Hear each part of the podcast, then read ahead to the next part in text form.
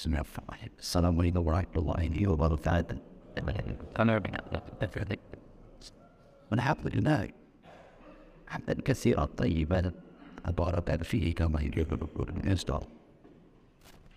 Should I know that I need a lot of?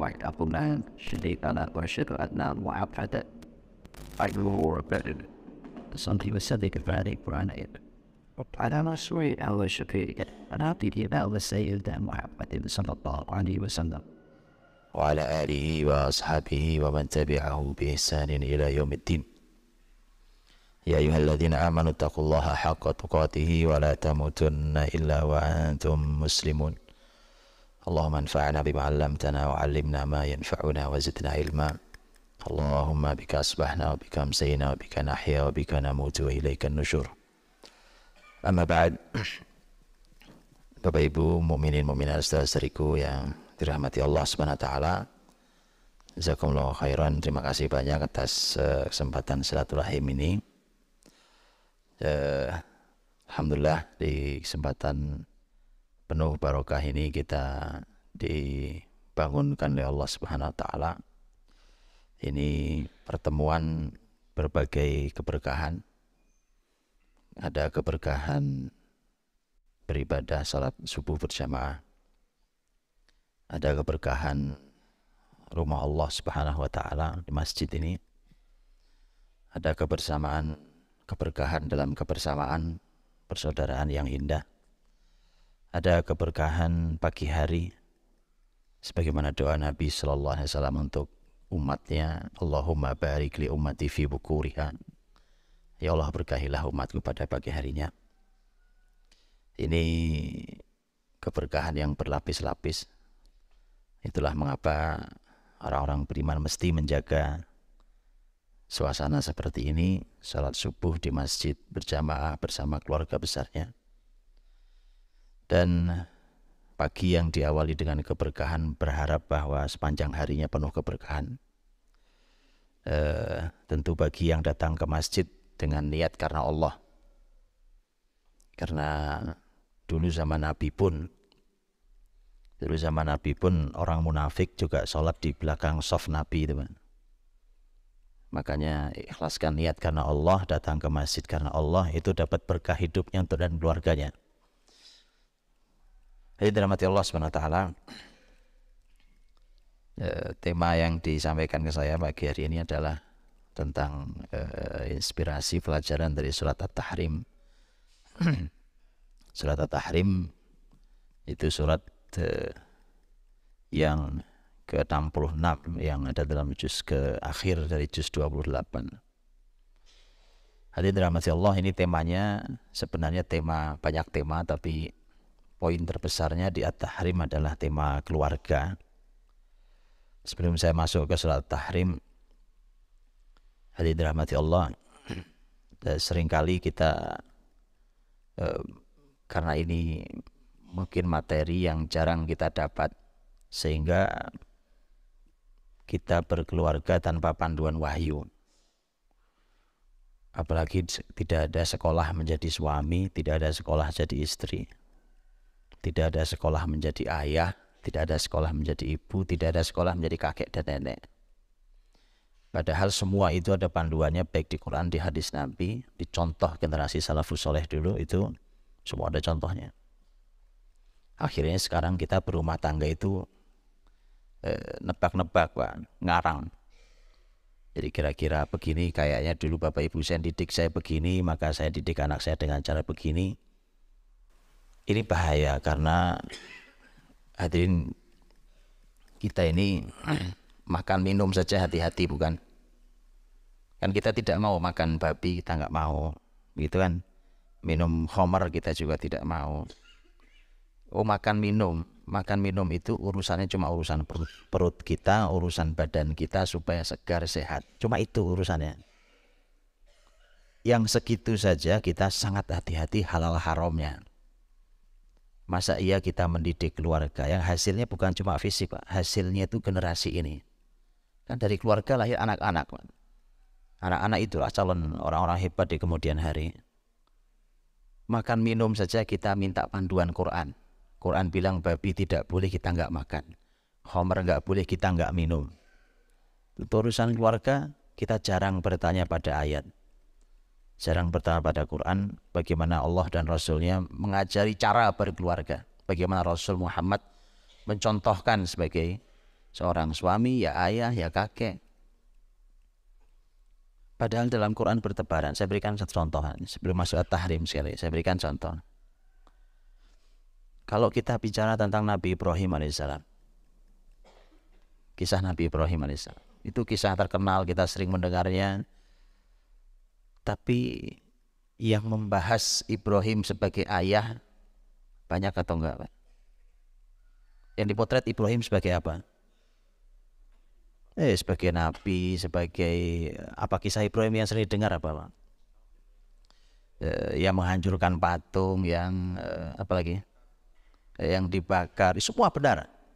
Semua benar dan Quran semua bicara hal itu. Tapi masalahnya Quran juga menyampaikan sampai Quran mengatakan millata abikum. Abikum. Ini ajaran ayah kalian Ibrahim. Allah sendiri menyebut sebagai Ibrahim itu ayah kalian. Ada keayahan, tema keayahan di diri Ibrahim. Jadi zikir pagi sore kita juga ada itu. Wa ala millati abina Ibrahim.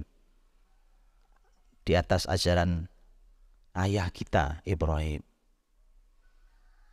Bukankah Nabi Ibrahim di Quran juga dipotret beliau dengan anaknya? Begitu bukan? Lagi ngapain, Pak? Ibrahim dengan anaknya lagi ngapain? Hah? Lagi? Bangun Ka'bah, Ustaz. Azim lihat. Wa idh yarfa'u Ibrahimul qawa'ida minal baiti wa Ismail. Ketika Ibrahim membangun Ka'bah itu meninggikan bangunan Ka'bah yang dibantu oleh Ismail sudah dapat ayat segitu pun fokus kita bangun Ka'bahnya Pak. Bukan fokus kebersamaan ayah dan anak dalam ketaatan. Jadi lihat gitu tema tema keluarga itu di Quran besar sekali, sangat amat besar, tapi sangat sejarang dibahas. Bukankah tentang tema Nabi Ibrahim Ibrahim alaihissalam yang mendapatkan kabar gembira di usianya menjelang 100 usia saat itu Pak. Belum punya anak. Terus dapat kabar gembira bahwa dia akan dianugerahi anak.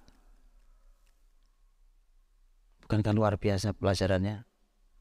Ibrahim yang lama menanti karena tidak kunjung punya keturunan. Pelajaran mahal. Contoh lain Nabi Musa alaihissalam. Kalau bicara Nabi Musa yang sering didengar apa, Pak? Fir'aun. Ya, benar. Karena Nabi Musa, Nabi Musa alaihissalam itu dengan Firaun itu kisah yang paling banyak disebut dalam Quran. Jadi kisah-kisah orang terdahulu yang paling banyak disebut adalah Musa. Musa alaihissalam dan Firaun. Karena memang Nabi Muhammad diminta untuk belajar banyak pada pada Nabi Musa. Dan Nabi Muhammad belajar sangat banyak pada Nabi Musa waktu Nabi Muhammad disakiti di di Cirona, Cirona itu tempat eh, antara Taif dan Mekah. Saat Nabi membagi ghanimah, ghanimah perang Hawazin eh, dan Taif, eh, Nabi disakiti oleh sebuah kalimat karena ada kalimat yang menuduh Nabi bahwa Nabi tidak adil. Jawaban Nabi sederhana. Kata Nabi, laqad udhiya Musa bi aktsara min dzalika fasabar. Dulu Musa lebih lebih disakiti dari ini. Pernah disakiti Musa lebih sakit dari ini, tapi Musa sabar. Jadi Nabi Muhammad itu banyak belajar pada Nabi Musa.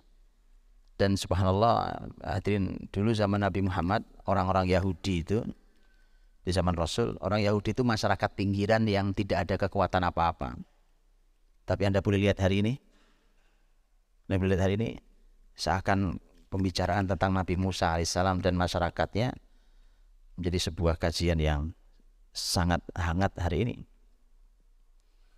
Nabi Musa banyak dipotret tentang Fir'aun. Tapi tahukah kita, Nabi Musa juga Allah potret tentang keluarganya. Tentang apanya, man? Nabi Musa dipotret tentang keluarga di Quran, di Quran. Tentang apanya? Ini ini bukti maksud saya. Membuktikan bahwa bagaimana ceritanya makanan yang cuma urusannya fisik saja kita cari dari Quran, tapi urusan yang jauh lebih penting dari makanan, yaitu menghasilkan generasi masa depan ini, tapi belum kita tanya dari Quran. Itu maksud saya. Ini sentuhan awal saja. Subhanallah, pelajaran mahal sekali tentang Musa alaihissalam sejak dia bayi. Bukan begitu? Quran menuturkan bagaimana ibunya sampai Allah bimbing untuk melarung di sungai Nil itu. Itu kata per kata dalam ayat tentang hal itu itu memiliki pelajaran yang sangat istimewa. Sangat istimewa. Pelajaran itu. Saya kasih contoh, Pak. Saya contoh. Uh, seorang ibu kan ibunya Nabi Musa ketakutan kan ketakutan karena ini kalau Musa bayi ketahuan bahwa dia sudah lahir pasti dibunuh. Karena keputusan paling aneh di sebuah negeri saat itu adalah bahwa setiap bayi laki-laki yang lahir dari kalangan Bani Israel harus mati. Itu keputusan keputusan Firaun. Maka ibunya khawatir tentang bayinya yang pasti mati ini. Kalau ketahuan saja mesti mati. Padahal negara terus mengintai siapa pun yang hamil. Dicatat itu Pak. Siapa pun yang hamil nanti akan ditunggu lahirnya laki atau perempuan. Baik pertanyaan saya kalau seorang ibu sedang khawatir terhadap bayinya itu bayinya dipeluk erat atau dilepas? Sepakat kita kan? Bayinya dipeluk erat. Begitu khawatir ya, bukan begitu? Tapi apa perintah Allah pada ibunya Nabi Musa? Disuruh dilepas. Ibu sedang khawatir. Bayi malah disuruh lepas. Pak. Sudah begitu semua tahu sungai ini, sungai Nil ini mengalir dan akan melewati istana Fir'aun. Anda bisa lihat ya. Lihat bagaimana pelajaran mahal buat keluarga, buat keluarga, Pak. Kadang-kadang yang Allah putuskan itu kadang tidak cocok dengan perasaan kita. Bukan begitu? Tapi ikuti Allah saja. Apakah Musa mati? Oh enggak, Musa yang malah menjatuhkan Fir'aun itu nanti, betul? Makanya ikuti Allah, walau kadang bertentangan dengan perasaan kita. Jadi subhanallah Ibu Musa, ibunya Nabi Musa begitu khawatirnya. Bahkan dalam kisah itu ibunya Nabi Musa berkata, "Wa qalat li ukhtihi qussi." Ibunya Nabi Musa berkata pada saudarinya Musa, kakak perempuannya Nabi Musa. Kusi, kusi itu ikuti. Ikuti adikmu nah. Begitu dilarung ikuti adikmu. Lihat Pak, ibunya berkata ini ini tentang ciri anak soleh dan soleha. Pak. Sekecap kata, satu kata, kusih, kusih artinya ikuti adikmu, ikuti dia. Apa kakaknya kemudian diem aja nggak bergerak gitu? Sekali perintah jalan. Pernah jumpai anak dipanggil sudah lima kali nggak datang datang? Hah? Ada juga di situ. Subhanallah. Gimana didiknya itu, Pak? Makanya belajar sama ini ibunya Nabi Musa. Loh, ada pelajarannya, Pak. Ini cuma karena waktu saya nggak cukup saja karena bukan itu tema kita. Tema kita saya cuma ingin mengasih timah, Pak.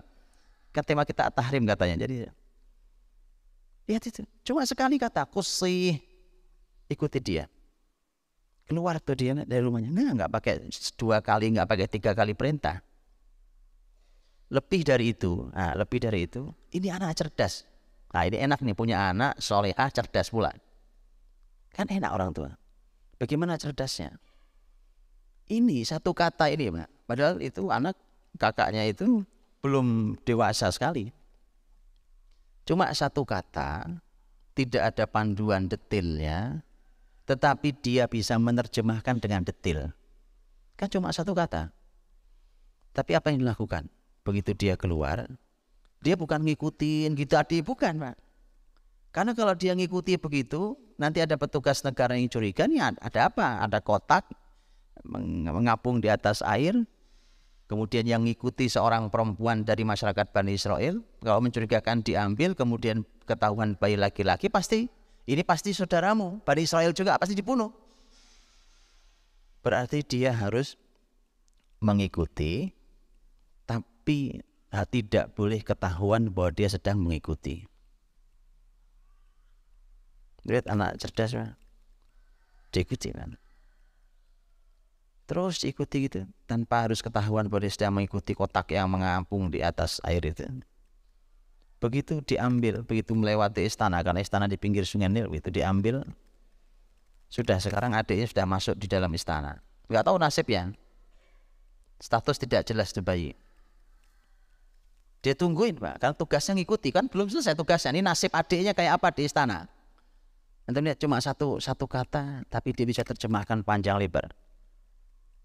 Begitu ada pengumuman dari istana karena bayi sudah beberapa saat tidak menyusu, maka nangis dan diumumkan bahwa eh, siapa yang bisa menyusui punya asi maka diminta untuk datang ke istana tentu akan mendapatkan imbalan yang luar biasa.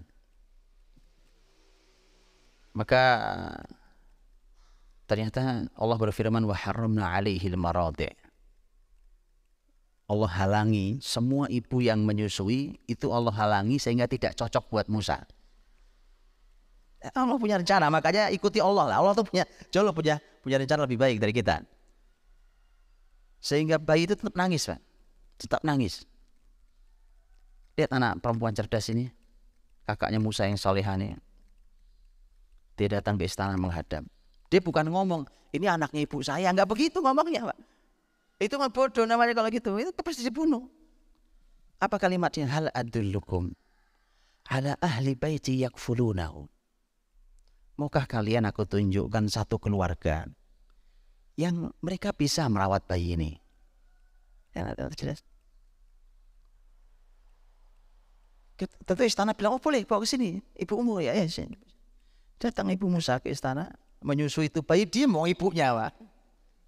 istana tidak tahu sampai detik itu istana tidak tahu. Saya cuma ingin motret bahwa satu kecap kata langsung di, di, dijalankan dan satu kata itu bisa diterjemahkan dengan sangat baik oleh anak ini. Enak kan punya anak gitu, Pak. Itu. Quran itu bicara itu tentang Nabi Musa alaihissalam. Apa pernah ada yang tahu? Apa, apa ada ibu-ibu hari ini yang nyusui anaknya di rumah digaji negara. Ada? Digaji gara-gara nyusui anaknya ada di sini? Ini ibunya Musa alaihissalam. Gara-gara ngikuti perintah Allah. Itu kalau perintah karena Musa bolak-balik istana menyusui. Kemudian ibunya Musa bilang saya tidak bisa bolak-balik begini terus.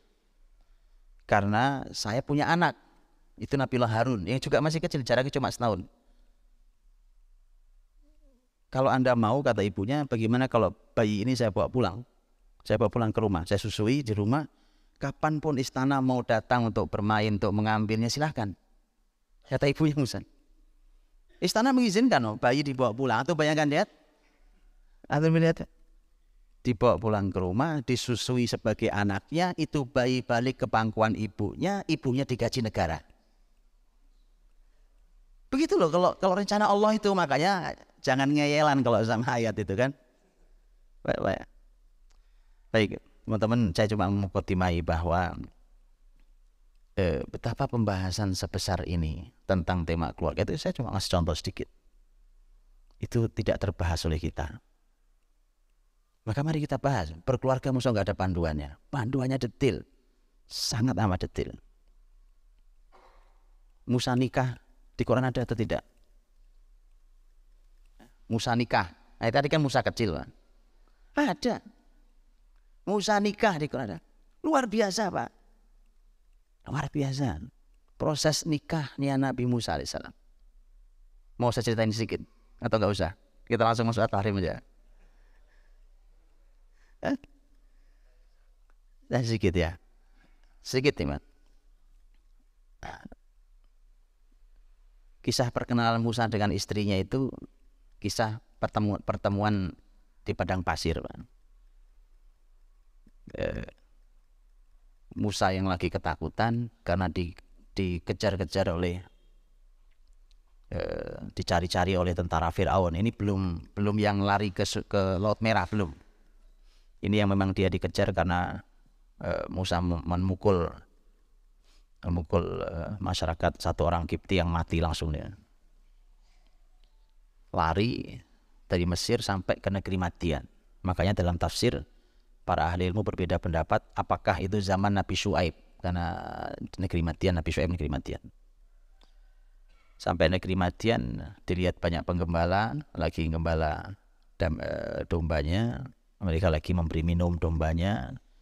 Para penggembala dengan dombanya masing-masing ada sumur sumur mereka ngambil air gantian e, Musa yang sebenarnya sedang ketakutan lari itu duduk di bawah sebuah pohon kemudian nyender kemudian ngelihat ada pemandangan janggal karena di antara semua penggembala laki-laki ada dua perempuan yang menjauh dari para penggembala laki-laki. Ternyata dua perempuan itu juga menggembala. Menggembalakan kambing-kambing mereka dan nanti oleh Quran dikasih alasan mengapa perempuan ini mengerjakan pekerjaan laki-laki. Karena penggembalaan itu pekerjaan laki-laki, Pak. Maksudnya pekerjaan laki adalah karena pekerjaan itu berat. Secara fisik dia berat. Ternyata nanti Quran memberikan alasan bahwa ayahnya kedua putri ini sudah tua. Eh, singkat kata dibantu begitu penggembala sudah pergi semua oleh Musa dibantu. Sumur itu ditutup pakai batu kan. Batu itu baru bisa diangkat oleh sekian laki-laki. Ya perempuan gimana ngangkatnya itu? Maka Musa yang angkat batu itu sendirian kemudian dipindahkan baru diambilkan airnya dibantu. Sudah selesai perempuan terima kasih dia pergi dua orang. Musa duduk di bawah sebuah pohon itu kemudian berdoa pada Allah. Ya Allah saya memerlukan bantuanmu. Karena Musa ketakutan. Itu. Gak lama datang lagi itu salah satu putri. Tadi berdua sekarang datang sendirian. Waja'athu ihdahuma tamshi ala istihya. Ya, salah satu dari wanita itu datang ke Musa dalam keadaan malu. Ini juga ciri anak yang hebat, Bang. Perempuan perempuan itu Allah kasih garis tebal kata istihya. Istihya itu punya rasa malu. Perempuan apa cicilan. Istihya dan dan tafsir menggambarkan begat begitu detailnya apa yang dimaksud dengan malu di situ. Buka tafsirnya. Ngaji tafsir harus ngaji tafsir. Singkat kata kemudian si perempuan ini mengatakan saya hanya me, e, menyampaikan pesan ayah bahwa ayah saya meminta agar Anda datang untuk ayah memberikan balasan atas kebaikan Anda tadi. Musa jalan. Musa jalan. E, ada ada yang menarik. Intinya begitu sampai di sana ternyata oleh bapaknya e, bukan hanya diberikan perlindungan sudah nggak perlu takut lagi di sini kamu aman. Diberikan makan minum bahkan ditawari salah satu dari gadis itu. Nah, itu yang menarik adalah satu dari dua wanita itu itu bicara pada ayahnya. Sebelumnya sudah ngomong ke ayahnya inna khaira man istajartal qawiyal amin Kan ayahnya itu berencana menjadikan Musa ini tadinya rencana awalnya adalah sudah kamu kerja saja sama saya. Artinya menggembalakan kambing menggantikan putri-putri saya. Ini sebelum tawaran nikah. Anaknya, anak salah satu putri itu dia bilang, kalau ayah betul mau menjadikan anak muda ini sebagai pekerja di kita, sesungguhnya orang yang akan ayah sewa itu punya dua sifat al-qawi al-amin. Inna khaira man istajartal qawi al-amin. Qawi artinya kuat, al-amin artinya amanah. Saya mau tanya apa? Emang perempuan itu sudah lama kenal sama Musa? Ya, baru tadi kok kenalnya. Lo kok bisa menilai? Kok dia bisa nilai bahwa ini anak muda ini kuat amanah? Gitu loh Pak. Jadi punya anak itu yang pinter. Jadi bohong kalau orang bilang, saya perlu kenal Pak, makanya saya pacaran. Ah, belajar sama putri soleha ini. Baru kenal tadi pagi, man. Siang hari langsung bilang ke bapaknya, ini anak muda ini kuat lagi amanah. Coba itu ilmu apa itu, Pak? Ya kan? Ada tahu sebabnya? Kuatnya secara fisik karena Musa ngangkat batu, Pak. Itu sudah terbukti, wong itu batu biasa diangkat berapa orang laki-laki. Amanahnya di mana? Tahu amanah di mana, Pak? Ini laki-laki amanah, ini berat. Kalau kuat doang kelihatan fisik gampang, Pak. Ya kan? Kelihatan fisik. Tapi kalau amanah, gimana menilainya?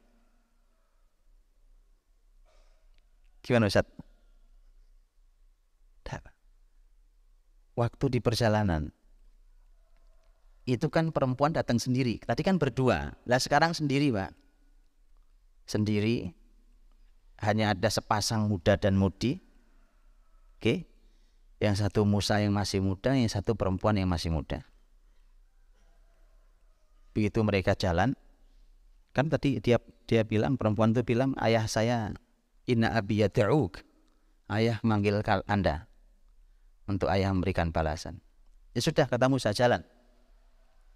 Dalam tafsir disebutkan, Pak. Itu perempuan kan yang tahu jalan ke rumahnya. Dia jalan di depan, perempuan di belakangnya. Eh, maaf, Musa di belakangnya. Lama-lama Musa nggak tahan, Pak. Anak muda kan. Namanya angin padang pasir kan antum tahu ya kan. Di depannya ada gadis ya. Di belakangnya ada lelaki, angin tiup tiup kanan, tiup kiri lama-lama. Ini angin padang pasir nakal juga lama Oke. Okay. Musa bilang, "Dek mundur ke belakang." Saya duluan. Kan tapi aneh. Emang tahu rumahnya? Kan nggak tahu rumahnya. Kata Musa gampang. Saya akan jalan terus lurus. Kalau saya harus belok kanan, lempar kerikil ke kanan. Kalau saya harus belok kiri, lempar kerikil ke kiri. Kalau lurus jangan dilempar. Kan saya jalan lurus ya kan. Di depannya ada Musa. Kanan dan kiri. Kemudian wanita itu mudah menyimpulkan bahwa ini laki-laki amanah. Berdua. Gak ada yang lain. Berdua di pasir sepi, pasir. Ya kan? Begitu, Pak. Itu yang cocok jadi mantu. Yang begitu, Pak, jadi mantu. Wah, anak dibawa ke mana-mana diambil jadi mantu. Itu nggak cocok, Pak. Makanya kan tadi saya bilang, belajarlah dari Quran, panduan apa saja tentang berkeluarga ada. Oke, cukup ya mukotimahnya. hadirin dirahmati Allah saudariku. Uh, surat At-Tahrim itu cuma 12 ayat. Dari awal sampai akhir. Itu bertutur tentang keluarga. Dibuka tentang keluarga, diakhiri tentang keluarga, diisi di tengah tentang keluarga, dan sangat panjang. Tentu kita tidak cukup waktunya, saya cuma ingin sampaikan kilasan. Yang menarik dari At-Tahrim adalah bahwa At-Tahrim ini oleh Allah yang hanya 12 ayat itu diisi dengan beberapa potret keluarga. Ada yang potret keluarganya baik, ada yang tidak baik. Ada yang sebagian baik, sebagian tidak baik. Ada yang timpang rumah tangganya. Ada yang sempurna. At-tahrim itu berisi beberapa potret keluarga. Pertama adalah keluarga Nabi Muhammad SAW. Yang kedua adalah keluarga Nabi Nuh. Yang ketiga keluarga Nabi Lut. Yang keempat keluarganya Fir'aun. Yang kelima keluarganya Imrod. Ada lima. Jadi 12 ayat itu itu ada lima potret keluarga itu kalau disuguhkan oleh Allah di depan kita, itu kita disuruh bercermin, man. Suruh ngaca gitu, kira-kira saya yang mana ini dari lima ini. Begitu. Dan silahkan mau pilih yang mana, nah, kita lihat ya. Nah, kita lihat.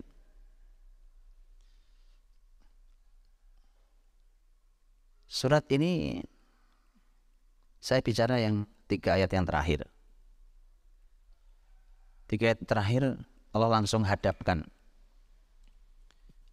Kita belum bicara tentang keluarga Nabi Muhammad karena itu pembuka surat. Tiga ayat yang terakhir Allah SWT menyampaikan Daraballahu mathalan lilladina kafaru mra'ata Nuhi wa mra'ata Lut.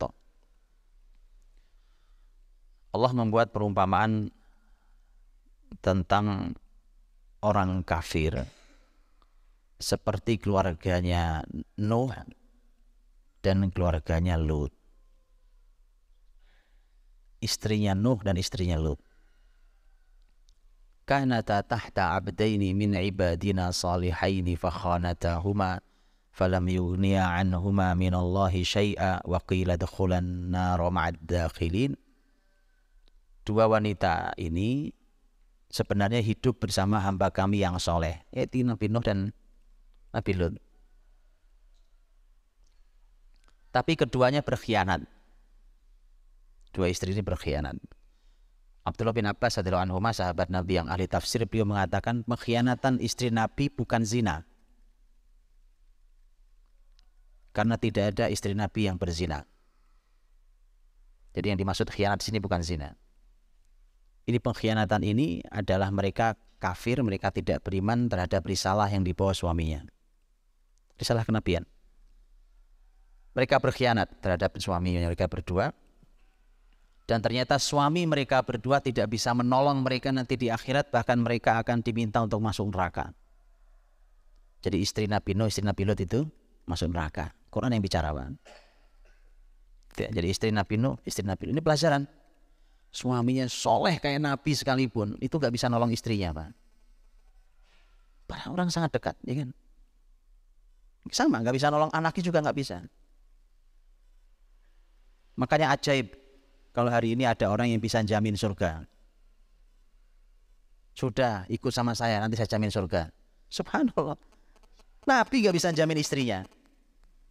Eh, Nabi gak bisa jamin istrinya. Iya kan? Itu potret pertama, Pak. Bahwa suaminya orang soleh luar biasa, istrinya orang rusak luar biasa. Istrinya kafir. Yang kedua, wa daraballahu mathalan lil ladzina amanu imra'ata fir'aun. إذ قالت ربي ابن لي عندك بيتا في الجنة ونجني من فرعون وعمله ونجني من القوم الظالمين Adapun perumpamaan tentang orang beriman seperti istrinya Firaun. Nah, ini kebalik nih. Suaminya rusaknya luar biasa, kafir zalim luar biasa, istrinya solehahnya luar biasa bahkan istri Fir'aun oleh Nabi Muhammad SAW disebut sebagai satu dari empat wanita terbaik dunia dan akhirat. Sayyidat Nisa Ahli Jannah. Jadi di muka bumi ini wanita jumlahnya banyak, tapi yang paling mulia di dunia dan akhirat cuma ada empat. Ya. Salah satunya adalah Asiyah binti Muzahim, Imra'atu Fir'aun. Asiyah binti Muzahim, istrinya Fir'aun. Anda bisa lihat tuh bagaimana suaminya begitu rusaknya, istrinya begitu solehanya. Itu potret yang kedua. Jadi kebalik ya. Yang pertama yang soleh siapa? Suaminya. Kalau yang kedua istrinya. Yang ketiga, ini ayat yang terakhir. Wa Maryam ibnata Imran allati ahsanat farjaha fanafakhna fihi min ruhina wa saddaqat bi kalimati rabbiha wa kutubihi wa kanat minal qanitin. Dan Maryam putri Imran. Nah, sekarang bicara Maryam putri Imran. Maryam wanita suci.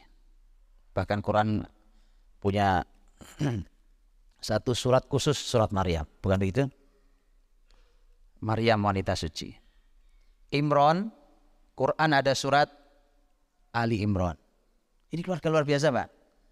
Satu-satunya nama perempuan yang dipakai untuk menjadi nama surat dalam Quran adalah surat Maryam. Satu-satunya. Satu-satunya surat yang di Quran ada kata keluarga cuma surat Ali Imran. Quran sampai ada nama surat keluarga, Pak. Masa kita nggak belajar keluarga dari Quran? Mestinya kita bertanya, ini mesti orang istimewa. Padahal banyak ahli tafsir mengatakan Imron itu bukan nabi. Orang soleh iya tapi bukan nabi. Sebagian mengatakan begitu. Kalau Allah potret tentang keluarganya, berarti mestinya kita belajar tentang keluarganya Imron. Pernah belajar keluarganya Imron, Pak? Isinya apa? Itu buat kita Masya Allah, Pak. Panduan detail luar biasa. Dari mulai sejak hamil sampai anak mendidik anak itu terpotret. Imron ayah yang luar biasa, istrinya Imron istri yang luar biasa. Bahkan yang dipotret dalam surat Ali Imran malah istrinya sebenarnya. Kenapa? Karena Imran sudah meninggal. Dalam tafsir para ulama mengatakan eh, Imran sudah meninggal. Lahir Maryam, Maryam wanita wanita suci yang istimewa, ahli ibadah. Bahkan Allah puji tadi. Eh, ahsanat farjaha, menjaga kehormatannya, menjaga kemaluannya.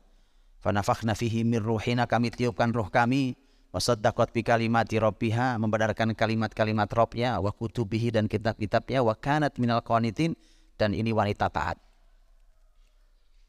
Eh, lahir dari Maryam siapa?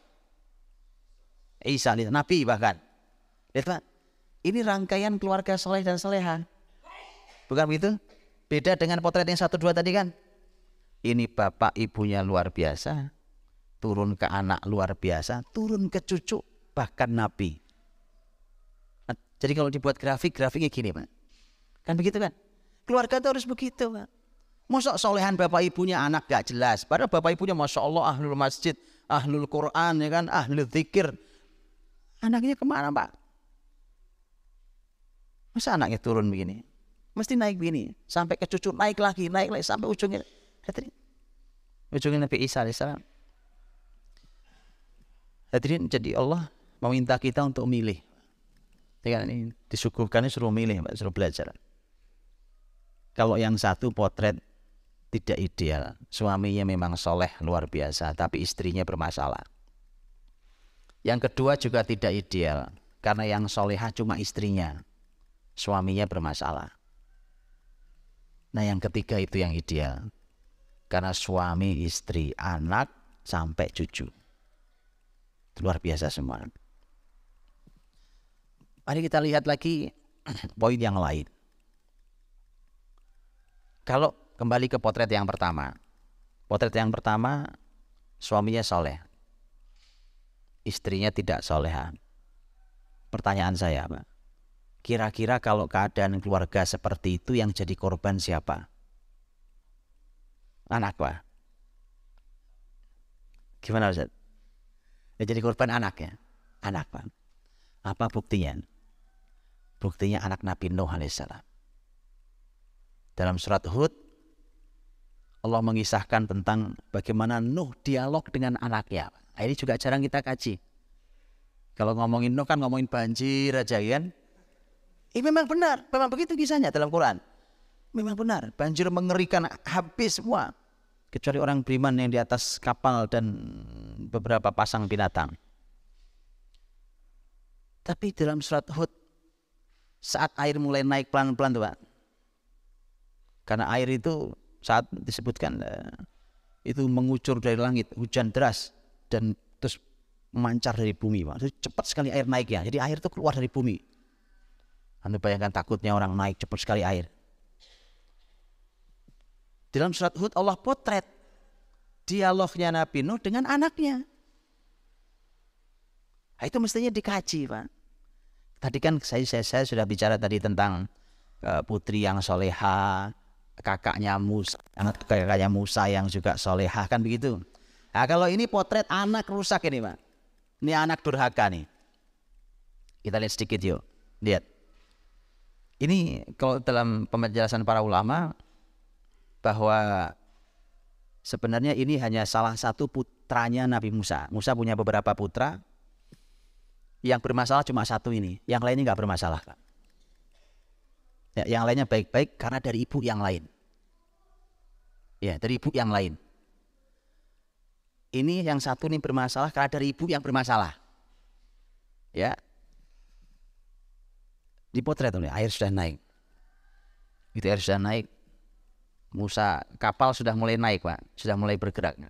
Eh, setahun Nabi Nuh salam, Nabi Nuh salam eh, kapal sudah mulai naik Nuh melihat anaknya dari kejauhan dipanggil-panggil sama Nabi Nuh ya bunayyar kam ma'ana Sina, naik naik naik bersama ayah naik bersama ayah tapi namanya anak biasa bantah pak. Ya sudah dalam keadaan bahaya itu masih bantah. Untuk anak durhaka itu sudah mau celaka masih bantah. Sudah tahu air tinggi. Yang punya kapal cuma Nabi Nuh disuruh naik. Kecuali bapaknya menghalangi naik ya kan? Sini ya bunai anakku sayang naik. Irkam ma'ana. Naik bersama kita. Anak itu jawab pak. Kata anak Nabi Musa Qala sa'awi ila jabali asimuni minal ma. Kata anaknya nggak usah ya. Saya mau ke gunung aja. Air nggak akan nyampe ketinggian gunung. Nabi Musa jawab lagi. Qala la eh, astagfirullah. Nabi Nuh jawab lagi. Qala la asima min amrillah. La asimal yauma min amrillah. Hari ini nak tidak ada tidak ada yang bisa melindungi. Ini ini azab Allah ini, bukan sembarang hujan tidak ada yang melindungimu. Tetapi namanya anak durhaka. Maka kemudian dialog itu ditutup oleh Allah dengan ombak sangat besar sebesar gunung Pak. Tutup dialognya sudah hilang anaknya. Baik. Sudah lenyap orang-orang kafir itu. Kemudian kapal berlabuh di atas gunung Al-Judi fastawat al-Judi. Berlabuh di gunung Al-Judi. Begitu turun orang-orang beriman turun dari kapal, Nabi Nuh ingat anaknya. Ingat anaknya tadi. Minta doa pada Allah. Nagih Allah, ya Allah kan ini anak keluarga saya. Masa ditenggelamkan bukankah engkau berjanji menyelamatkan keluargaku? Lihat jawaban Allah, Pak. Qala ya Nuh, innahu laysa min ahlik. Innahu amalun ghairu salih fala tas'alni ma laysa laka bihi ilm. Inni a'idzuka an takuna minal jahilin. No. Itu bukan keluargamu. Sampai digitukan Pak? Para ahli tafsir beda pendapat tentang kata-kata ini tapi no itu bukan keluargamu. Artinya kalaupun itu anakmu nggak pantas oh nabi anaknya kayak gitu modelnya ya nak Pak. Kadang-kadang lihat anak sama bapak tuh nggak pantas lihat Pak Bapak ibunya soleh banget, Pak anaknya kayak begini modelnya. Kayak nggak pantas jadi anaknya bapak itu, ya kan? Betul nggak? Mestinya nggak begitu. Mestinya ini kalau di kalau di Arab ada ungkapan Arab, Pak. Enggak, di Arab itu ada ungkapan eh, kalau anak hebat, bapaknya hebat, ibunya hebat itu ada ungkapan hadza shiblu min dzakal asad. Ini anak singa yang kecil nih, bapaknya singa yang besar itu. Itu ungkapan di Arab, Pak. Berjalan. Yang masalah itu kalau singa melahirkan kucing, Pak. Itu masalah. Bapaknya singa, anaknya kucing cuma ngeong gitu, Pak. Masalah serius. Mestinya lahirnya juga singa kayak bapaknya kan gitu. Ada shiblu min dzakal asad. Jadi ya Allah mengingatkan Nuh itu bukan keluargamu. Itu amal yang tidak soleh. Lihat Pak itu amal yang tidak soleh. Ini kira-kira Allah lagi muji Nabi Nuh atau lagi menegur Nabi Nuh. Begitu loh Pak. Makanya kalau punya anak, terus anak masalah, apa mau kita ditegur oleh Allah seperti Nabi Nuh ditegur Allah? Nuh, itu bukan keluargamu, itu amal yang tidak soleh. Amal itu kan karya Pak, betul ya? Itu karya yang tidak soleh. Innahu amalun ghairu soleh. Fala tas'alni ma laisa ilm. Jangan minta padaku sesuatu yang kamu tidak tahu ilmunya. Aku nasihatin kau wahai Nuh agar kau tidak menjadi kelompok orang-orang yang jahil. Intinya tadi saya sampaikan bahwa suami itu yang hebat sehebat apa pun kalau istrinya bermasalah korbannya anak kan. Nah ini tadi. Baik, pertanyaan kedua. Kalau sebaliknya bagaimana? Yang kedua tadi, Fir'aun sama istrinya. Istrinya solehah, Fir'aunnya rusak. Kurbannya siapa?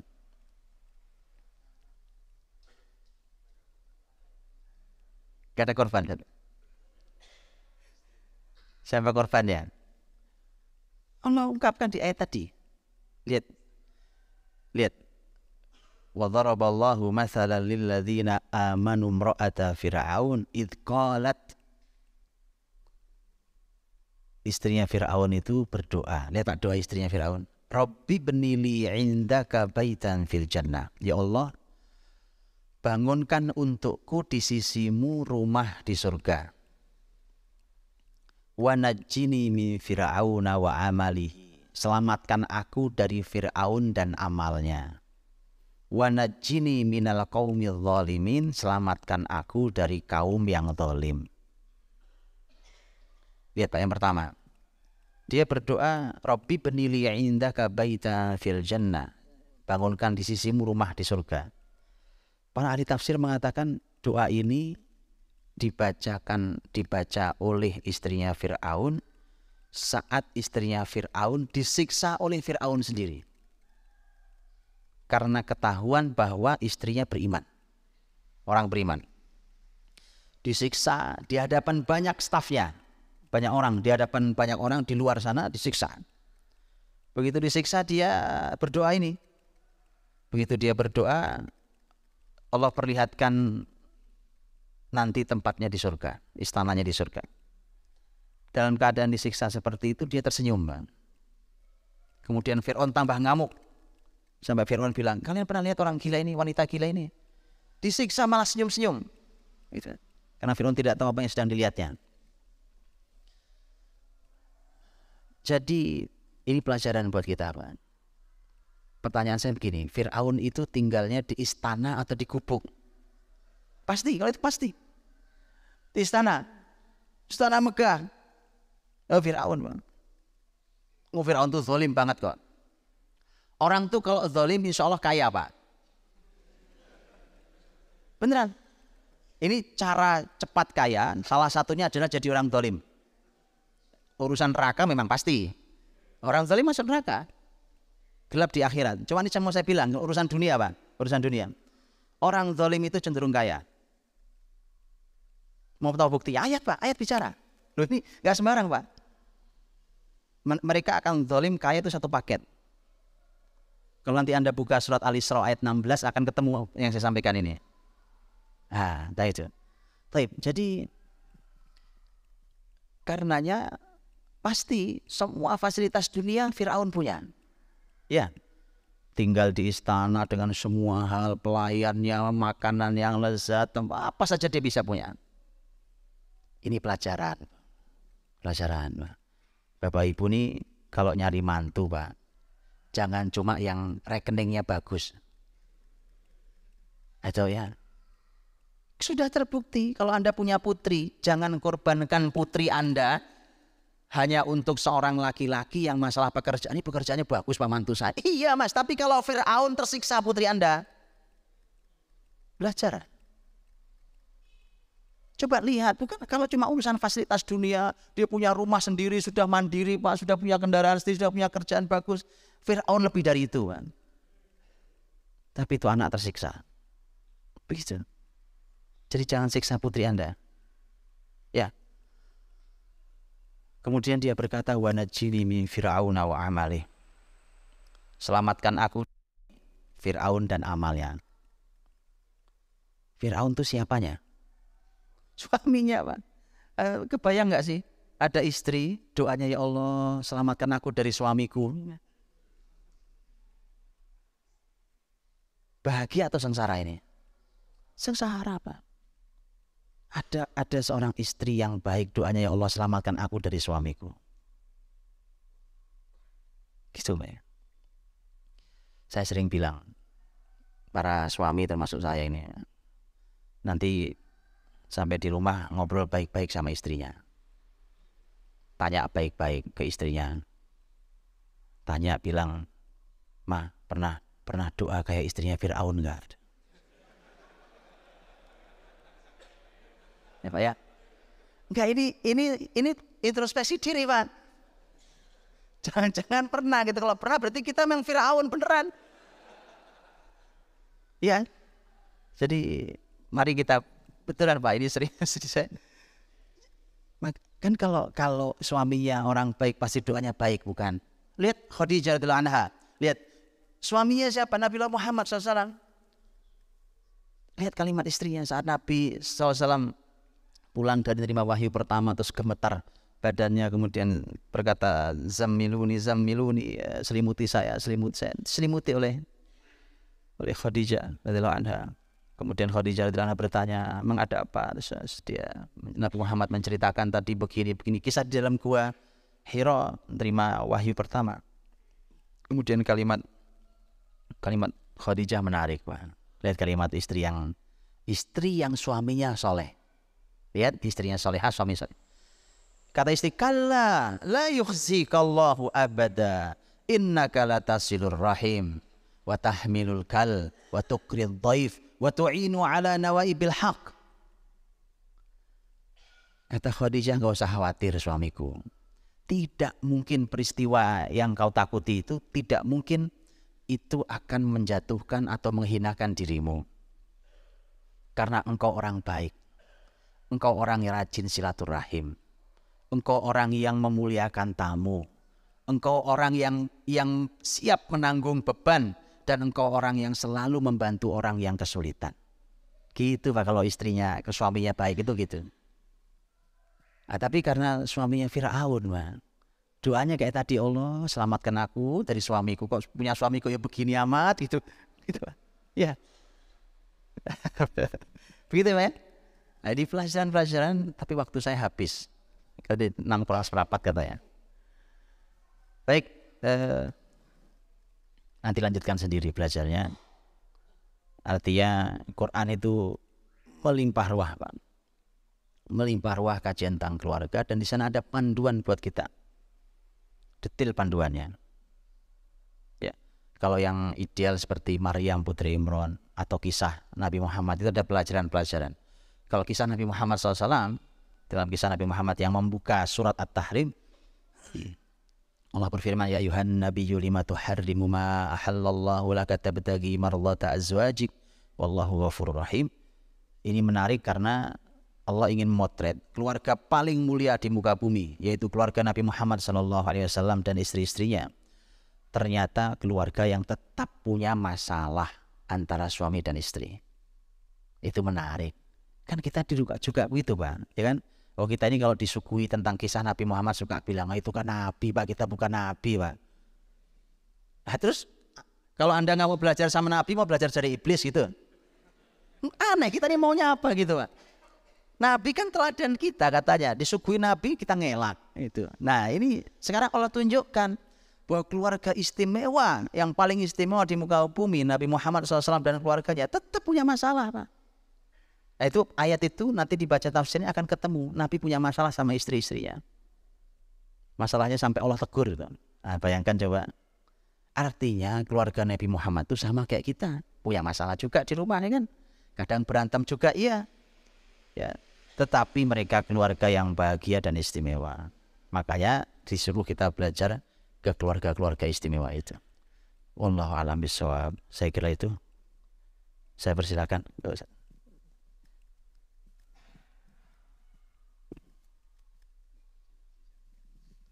Ini barangkali ada yang mau bertanya ini ada dua penanya di berkesempatan. Monggo. Oke. Baik, bismillah. Assalamualaikum warahmatullahi wabarakatuh. Terima kasih atas kesempatan yang diberikan kepada saya. Ini saat mungkin ada semacam titipan dari teman-teman saya yang telah menikah namun di tengah perjalanan keluarganya kandas. Saya tahu mereka adalah orang yang soleh dan soleha. Tapi Allah putuskan keluarganya, takdirkan keluarganya untuk berpisah. Yang menjadi pertanyaan adalah, sebagaimana yang jelaskan tadi, ternyata ada juga potret keluarga yang digambarkan oleh Al-Quran, yang soleh ketemu dengan yang tidak soleha, Begitu pula sebaliknya yang soleh ketemu dengan orang yang tidak soleh bahkan zolim. Yang menjadi pertanyaan saya, ada pula di dalam Al-Quran, Allah telah menggariskan bahwa yang soleh akan Allah pertemukan dengan yang soleh. Nah, bagaimana dan apa pelajaran yang harus kita ambil dari kedua ayat yang kelihatannya ada pertentangannya, tetapi kira-kira apa yang ingin Allah pesankan kepada kita dengan gambaran yang seperti ini, Ustaz? Ya, mungkin itu saja. Ada lagi satu. Cukup. Nggih. Ya di di dalam Al-Quran juga ada potret sebenarnya ini pernikahan antara laki dan perempuan yang sama-sama soleh. Tapi akhirnya keluarganya putus. Cerai. Ini juga agak ajaib ya. Jadi makanya tadi saya bilang Allah menggambarkan potret-potret itu supaya kita belajar. Dalam surat Al-Ahzab dalam surat Al-Ahzab eh, ayat 37 kalau saya nggak salah. Allah Subhanahu wa taala menyampaikan tentang eh, kisah dan ini satu-satunya dalam Quran. Satu-satunya dalam Quran di mana Allah Subhanahu wa taala menyebut nama seorang sahabat Nabi dengan gamblang jelas. Kalau yang lain kisahnya banyak tapi namanya nggak ada. Ini satu-satunya sahabat yang namanya disebut dalam Quran yaitu sahabat mulia Zaid. Zaid yang dimaksud adalah Zaid putra angkat Nabi yaitu Zaid bin Haritha. Zaid bin Haritha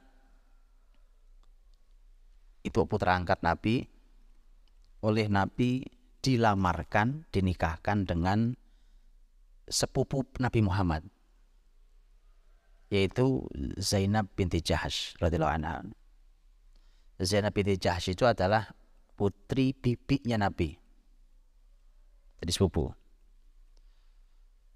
Dinikahkan ke Nabi, dua-duanya orang baik. Soleh soleha, Zaid bin Haritha, Masya Allah. Orang luar biasa. Zainab binti Jahash, orang luar biasa. Nikah. Setahun perjalanan pernikahan mereka kurang lebih. Zaid datang ke Rasul mengeluh tentang keluarganya, tentang istrinya. Nabi mengatakan amsik, ini di Quran Al-Ahzab tadi, amsik alaika zaujak. Kata Nabi, pertahankan pertahankan dulu keluargamu, jangan cerai dulu, pertahankan. Pertahankan dulu. Tapi nampaknya Zaid nggak kuat, Pak. Nggak kuat, akhirnya cerai. Cerai, dan Nabi berdoa. Kata Nabi semoga Allah memberikan Zaid istri yang lebih baik dari Zainab dan memberikan Zainab suami yang lebih baik dari Zaid. Itu Zaid akhirnya nanti nikah lagi dengan wanita luar biasa yaitu Ummu Aiman dari pernikahan mereka lahir Usama. Usama bin Zaid. Panglima termuda dalam sejarah Islam. 18 tahun jadi panglima perang. Usama bin Zaid. Dan Zainab binti Jahsh nikah dengan Rasul sallallahu alaihi wasallam. Karena itu perintah Allah. Allah memerintahkan Nabi Muhammad dari surat Al-Ahzab tadi diminta untuk menikahi Zainab. Makanya Zainab eh, Zainab itu ada istri Nabi yang nama Zainab ada dua ada Zainab binti Jahsh ada Zainab binti Khuzaimah yang ini Zainab binti Jahsh. Makanya Zainab binti Jahsh itu kalau lagi kumpul sesama istri-istri Nabi Muhammad, ini yang dia banggakan. Zainab binti Jahsh selalu berkata, kalian ini dinikahkan oleh orang tua kalian masing-masing ke Rasul. Adapun saya yang menikahkan Allah langsung. Setiap istri selalu punya kebanggaan, Pak. Itu mereka punya cara membanggakan diri tahu ya. Baik, eh, cerai pernikahan jadi ini tragedi pernikahan Zaid dan Zainab. Cerai dan dan ada manfaat besar. Dalam pelajaran ini Masya Allah banyak manfaatnya. Banyak para ahli banyak menjelaskan tentang manfaat tentang apa sudah soleh solehah masih cerai juga. Nah, saya penasaran lama waktu itu nyari sebab apa ya sebabnya cari penjelasan para ahli ilmu Saya buka sekian banyak kitab tafsir untuk melihat bahwa apa sebabnya sebenarnya. Sama-sama orang baik loh pak, ya kan? Eh, kalau kisah yang satu nggak baik satu baik sih memang ini dua-duanya orang soleh soleha. Nah, kesimpulannya ternyata begini. Nah, ini pelajaran. Ternyata soleh soleha itu penting, tapi kalau cuma itu tidak cukup. Karena di sisi, sisi yang lain, contoh sisi yang lain yang dalam kisah Zaid Zainab adalah kesetaraan. Kesetaraan. Kenapa kesetaraan? Zaid bin Haritha, walau dia putra angkat Nabi Muhammad, tapi status sebelumnya adalah budak. Eh, sebenarnya sebenarnya dia orang Arab eh, dari suku yang baik, yang mulia, tapi uh, kemudian dia sempat menjadi budak, kemudian dibebaskan nanti. Statusnya sempat jadi budak, Pak. Sementara Zainab itu wanita wanita Quraisy, Quraisy, Quraisy, suku terhormat sekali di Arab. Suku paling terhormat di Arab. Bahkan nasabnya nasab mulia. Uh, wanita cantik pula ketidaksetaraan itu ternyata tidak bisa membuat Zaid naik, tidak bisa membuat Zainab turun. Harusnya harusnya adalah kalau karena kalau perempuannya seperti itu lebih tinggi, Pak, itu mengancam pernikahan. Perempuannya lebih tinggi itu bisa mengancam pernikahan. Harusnya perempuannya bisa turun, yang laki-laki bisa naik. Hasil ketemu yang ini ternyata tidak bisa. Zainab binti Jahash radhiyallahu anha apalagi itu Allah alam. Saya pernah membaca salah satu kitab tafsir, saya lupa apa Ar-Razi atau apa tafsirnya. Disebutkan bahwa Zainab kan cara wanita bertutur, laki-laki bertutur kan beda-beda, Pak. Ya kan? Cara orang bertutur, perempuan bertutur kan juga beda-beda. Ada yang kata-katanya agak tajam. Nah, Zainab tuh jenis itu. Nah, jenis itu. Jadi nggak tahan Zaid. Zaid tidak tahan dengan semua itu. Nah makanya kemudian terjadi perceraian. Eh, Rasul Muhammad SAW waktu nikah dengan Khadijah sebenarnya juga tidak setara. Betul? Apanya yang nggak setara? Kekayaannya. Betul. Kalau yang kaya laki-laki nggak apa-apa. Tapi masalahnya yang kaya perempuan. Nabi Muhammad cuma karyawan. Khadijah big boss, Pak. Iya, dan karena apa? Karena karena Nabi Muhammad itu hanya salah satu karyawannya Khadijah. Khadijah punya karyawan-karyawan. Sekarang ini dan dan Khadijah itu wanita cantik, kaya raya, dilamar oleh para pembesar, tapi dia nggak mau. Kemudian nikah dengan karyawannya sendiri. Nah, ini agak berat, Pak. Makanya yang yang jenis keluarganya gini mohon belajar dari Nabi Muhammad. Bagaimana caranya Nabi menyetarakan? Nah, itu ya tolong belajar. Ini mau saya sampaikan atau sudah selesai habis waktunya? Sudah jam 6, Pak. Waktunya sudah jam 6. Begitu ya, pokoknya intinya pelajari lah ya, pelajari. Memang memang begini, memang harus dipelajari. Eh, maka saya bilang tadi ada ilmunya, cuma saya karena nggak ada sekolahnya menjadi bapak ibu itu masalah. Nggak ada sekolah jadi suami istri itu ya. Jadi intinya mereka Nabi Muhammad dan Khadijah adalah itu mampu menyetarakan keadaan itu. Ya. Salah satu ini inspirasi saja yang dilakukan oleh Khadijah. Karena Khadijah tahu suaminya ahli dalam masalah dagang. Nabi Muhammad kan ahli dagang, maka. makanya diangkat jadi karyawan. Uh. Maka Khadijah begitu nikah dia menyerahkan seluruh harta dagangannya pada suaminya. Dalam rangka apa?